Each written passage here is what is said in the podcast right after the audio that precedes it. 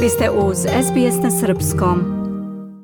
Decenije neslaganja oko toga kako treba podučavati đake čitanju dovele su do znatnog nazadovanja u australijskim školama, a to je opisano kao tragedija koja se može sprečiti. Izveštaj pod nazivom Reading Guarantee instituta Gratan otkriva da u tipičnoj australijskoj školskoj učionici od 24 učenika, osmoro njih neće biti u stanju da korektno pročita neki tekst. Ko autor izveštaja, Anika Stobart, kaže da učenici koji se nalaze u tako nepovoljnom položaju imaju rezultate znatno lošije od učenika koji su napredniji od njih u tom pogledu, iako čak i mnogi od njih zaostaju u odnosu na standarde. Half of students in regional and rural areas um, Polovina učenika u regionalnim i ruralnim oblastima ne ispunjava očekivanja u veštini čitanja, a ovo je čak i izraženije među đacima autohtonog porekla.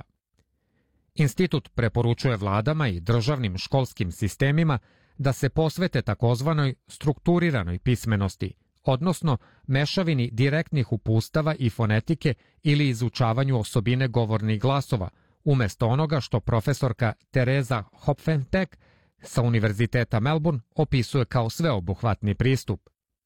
The whole language movement, students were able to understand a lot of words by simply being Studenti sveobuhvatnog jezičkog pristupa su bili u stanju da razumeju dosta reči, tako što su im jednostavno čitane priče, ili su ih čitali sami, ali su sami morali dosta toga da shvate. Ali neki učenici i neke grupe učenika za koje znamo zahtevaju malo više pomoći, da im se zapravo pomogne kod dekodiranja i tu ponekad koristimo fonetiku. Ali molimo vas da ne prelazite sa sveobuhvatnog jezičkog pristupa samo na fonetiku. Pokušajte da pronađete pravi balans. Institut takođe poziva na novi ambiciozni cilj da se podigne nivo, odnosno broj onih koji tečno čitaju na 83% u narednoj deceniji, a na 90% u dugoročnom periodu, govoreći u procentima. Institut Gratan procenjuje da će ovaj sadašnji takozvani neuspeh koštati australijsku ekonomiju 40 milijardi dolara tokom života sadašnjih đaka.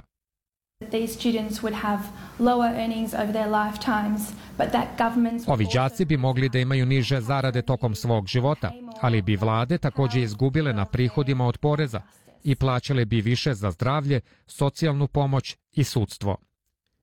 Izveštaj je takođe otkrio da nedostatak finansiranja u školama sprečava učenike koji imaju poteškoća sa čitanjem da dobiju podršku koja im je potrebna, što podsiše pozive za veće ulaganja.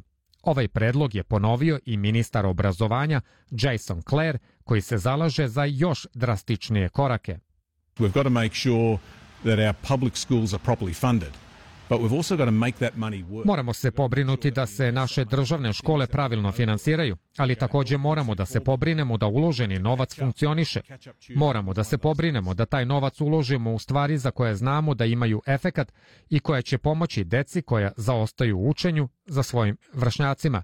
Podučavanje je jedna od tih stvari, rekao je ministar.